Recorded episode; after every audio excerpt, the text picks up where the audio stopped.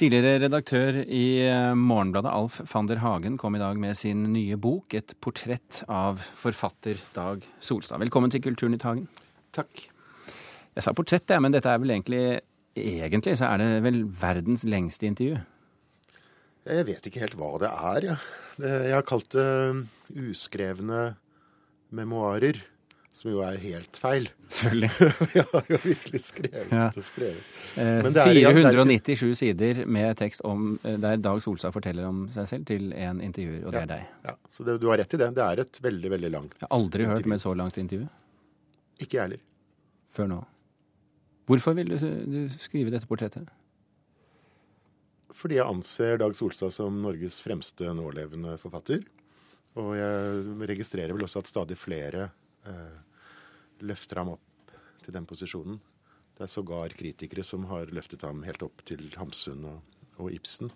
Så det er ikke godt å vite hvordan ting blir lest om 100 år. Uh, så har jeg da jeg i sin tid var så heldig å jobbe her i denne bedriften, så intervjuet jeg Dag Solstad tilbake i 1992. Da han kom med uh, den skjellsettende romanen 'Ellevte roman, bok 18', som på en måte var et vendepunkt i forfatterskapet hans. Og for deg òg? Uh, det var første gang jeg leste en roman av Dag Solstad. Så jeg hadde ikke noe forhold til hans uh, radikale forfatterskap fra 70-tallet eller hans mer eksperimentelle forfatterskap fra 60-tallet. Jeg tenkte herregud, finnes det en så stor forfatter i Norge? Da hadde jeg jo riktignok lest Tor Ulven og Jon Fosse og Kjell Askelsen, men, men det var et alvor eh, og for så vidt en eksistensiell uro da, i, i, i, den romanen. Da var jeg så heldig å få intervjue ham. Eh, vi hadde salige skuespiller Tom Tellefsen som leste utdrag fra boken, og det ble et timelangt eh, program som gikk her i, her i radioen. Dette kom i bokform i 1993, og siden den gang så har jeg intervjuet Solstad etter nesten hver eh, romanutgivelse. Og er det da notatene dine du har sett på og gitt ut her? Nei, jeg har nå valgt å gjøre Det var jo fristende å gjøre det sånn, da.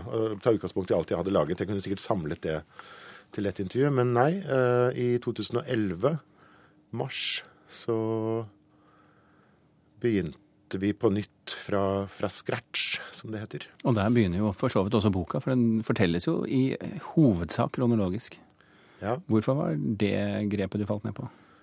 Fordi alle mine tidligere møter med Dag Solstad har handlet om, eller eh, tatt utgangspunkt i den nye boka, altså romanen. Og jeg er også vokst opp med at man, man er litt sjenert. Det blir ofte litt eh, Hva blir det da? Litt bløtt eller litt klamt hvis man skal begynne å snakke om folks privatliv. Jeg er vant med at teksten teller og romanen står på egne ben. Og det mener jeg jo i og for seg eh, fortsatt. Men det er jo noe med hvem er det som eh, står bak disse her fantastiske bøkene. Så jeg sa vel på et eller annet tidspunkt at kanskje vi skulle forsøke å ha en biografisk innfallsvinkel. Romanene kommer vi uansett innom, og det gjør vi jo. Det er ikke til å unngå. men, men hva, hva, betyr Solstads barndom for forfatterskapet? da? Var det noe å hente der? Ja, dette er veldig dobbelt.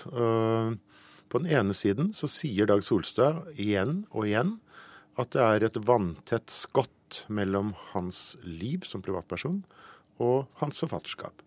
Så enten vet han ikke hva han snakker om? Nei, jeg tror han vet veldig godt. Koketterer han litt? Ja, jeg har, prøvd å bore i dette gjennom hele boka, og jeg tror det er først på de siste sidene jeg egentlig får det ordentlig, et ordentlig Eller tror jeg forstår uh, hva han mener, så jeg kan naturligvis ikke røpe det. Men, men, han sier jo at han ikke ønsker å skrive en barndomsskildring. Han har gjort ett unntak, en vidunderlig beskrivelse eh, og vemodig da, og stort savn, hvor han beskriver faren sin som dør. 160741-romanen. Ja, ikke sant? Og det er klart, her, I min bok så forteller han mye mer da, eh, rundt, rundt akkurat dette. Og der uh, har han gjort et unntak. Men, men han, han, eh, jeg tror han, han, er jo veldig klar over at barndomsopplevelser former et menneske. Uh, og at drømmer, det ubevisste, det, det, har du med deg hele veien. Så det er en motor som ligger der, et trykk som ligger der fra barndomsopplevelsene. Men han vil aldri skrive det direkte ut. Han sier jo at han, han er jo ikke opptatt av gode historier. Ja. Romanen handler om noe helt annet. Da. Så selv om han sikkert kunne gjort det, så vil han ikke det. Men han er jo eh, kjent for å kokettere både her og der? Ja, ja jeg har strøket det har jo redigert denne boken, så jeg forsøker jo å stryke det hvis, Jeg vet ikke om jeg vil bruke ord jeg, jeg håper ikke det er så mye kokettering i boka. Det vil jo vise seg når kritikerne kommer i morgen. og da må vi jo nevne det, siden du nevner kritikerne. Knut Hoem anmelder denne boken din i, i morgen tidlig i Kulturnytt fem over åtte, så alle som har lyst til å høre Knuts uh, vurdering, skru på radioen da. Han er jo nesten inhabil, for det, hans far er jo mye omtalt i boken. Ja, vi får se hvordan han liker det. Uh, han omtaler sin hukommelse som fotografisk. Ja, han hadde evnen når det virkelig gjaldt. Eh, foran eh, eksamener og slike ting. Han pugget noen fysikkbøker eh, utenat. Og skrev korrekt eksamensbesvarelse, men fikk likevel noen, fordi lærerne var helt sikre på at han hadde jukset. Men dette skulle jo borge for at han husker ganske godt fra ja. sitt liv? Han gjør det. Jeg syns han har Det er, det er dobbelt, dette. Han, han kan være som oss alle så er det mange felter som er helt borte den ene kvelden, og så kan det neste kveld kan det plutselig komme frem noe. Så det har også vært et lappeteppe at en erindring som, er, ja, som, som, som langsomt graves frem. Eh, men jeg vil si at generelt så har han en forbløffende god hukommelse, og ikke minst en evne til å formulere seg presist. Litt sånn på tross av en sånn stotrende fremtoning. Da. Og så, og så, er det noe som er litt interessant, for at han, i boken din så omtaler han seg selv opptil flere ganger som alkoholiker. Samtidig så har han jo ikke noe problem med å holde yrket gående. Nei, men det er jo ja, For det første så Det ble mye spørsmål om det på pressekonferansen i dag, og han fastholder det at i 40 år av livet eh, så uh, drakk han veldig mye alkohol. Men han har jo aldri drukket når han skriver. Uh, aldri sittet med et glass ved siden av tastaturet. Og de siste 15 årene så er det jo helt åpenbart at han har full kontroll på dette. Og, og vi har drukket litt rødvin, eh, riktignok veldig god rødvin, i disse samtalene. Men hans liv er jo et eksempel på at, han, at han har full kontroll på dette, rett og slett. Du har vært innom det. Han regnes som Norges største forfatter. Og det er jo interessant at han selv eh, forteller at han ikke engang evner å beskrive et blad. Ja. Hvordan henger det sammen? Ja, Det er jo mystisk. Ehm, for det første, De som kjenner Solstads forfatterskap, vil da huske at i romanen T. Singer så er det jo denne hovedpersonen Singer som da så gjerne vil bli forfatter, som strever og strever for å få til dette. Og gir opp og blir bibliotekar i stedet.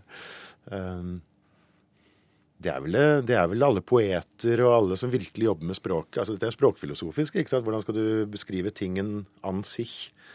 Ehm, det er ikke så lett, det. Man må finne hele tiden omveier å, beskrive ting på. Du har altså hatt uh, vel noe sånt som 20 intervjuer gjort med ham, eh, mm. som har blitt denne boken. Har du endret syn på han underveis? Han er jo vel Han, han, um, han er et veldig varmt menneske.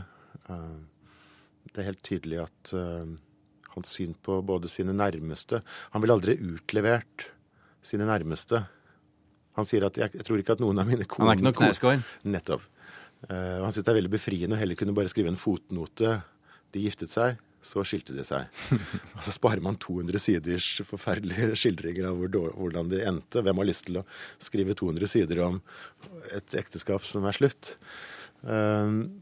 Men sånn er det jo. Så, men, men, men, han, han, men, han, er veldig glad i personen. Han, han skildrer også kvinneskikkelsene. Eva Linde, Nina Skåtøy. De er skildret med en veldig ømhet. Han vil aldri baksnakke romanpersonene sine heller. Og den varmen, den, den spesielle forfatterholdningen, den, den, har blitt veldig tydelig for meg gjennom disse samtalene. Har du blitt glad i han? Nei, jeg, jeg, jeg har jo bare faktisk Mitt forhold til han er jo kun gjennom disse intervjuene. Eh, altså de, det vil si de 20 nå, og en 6, 7, 8, 9 de siste 20 årene. Så vi, vi, jeg kjenner han jo ikke utover det. Alf Fander Hagen, eh, tusen hjertelig takk for at du kunne komme til eh, Kulturnytt.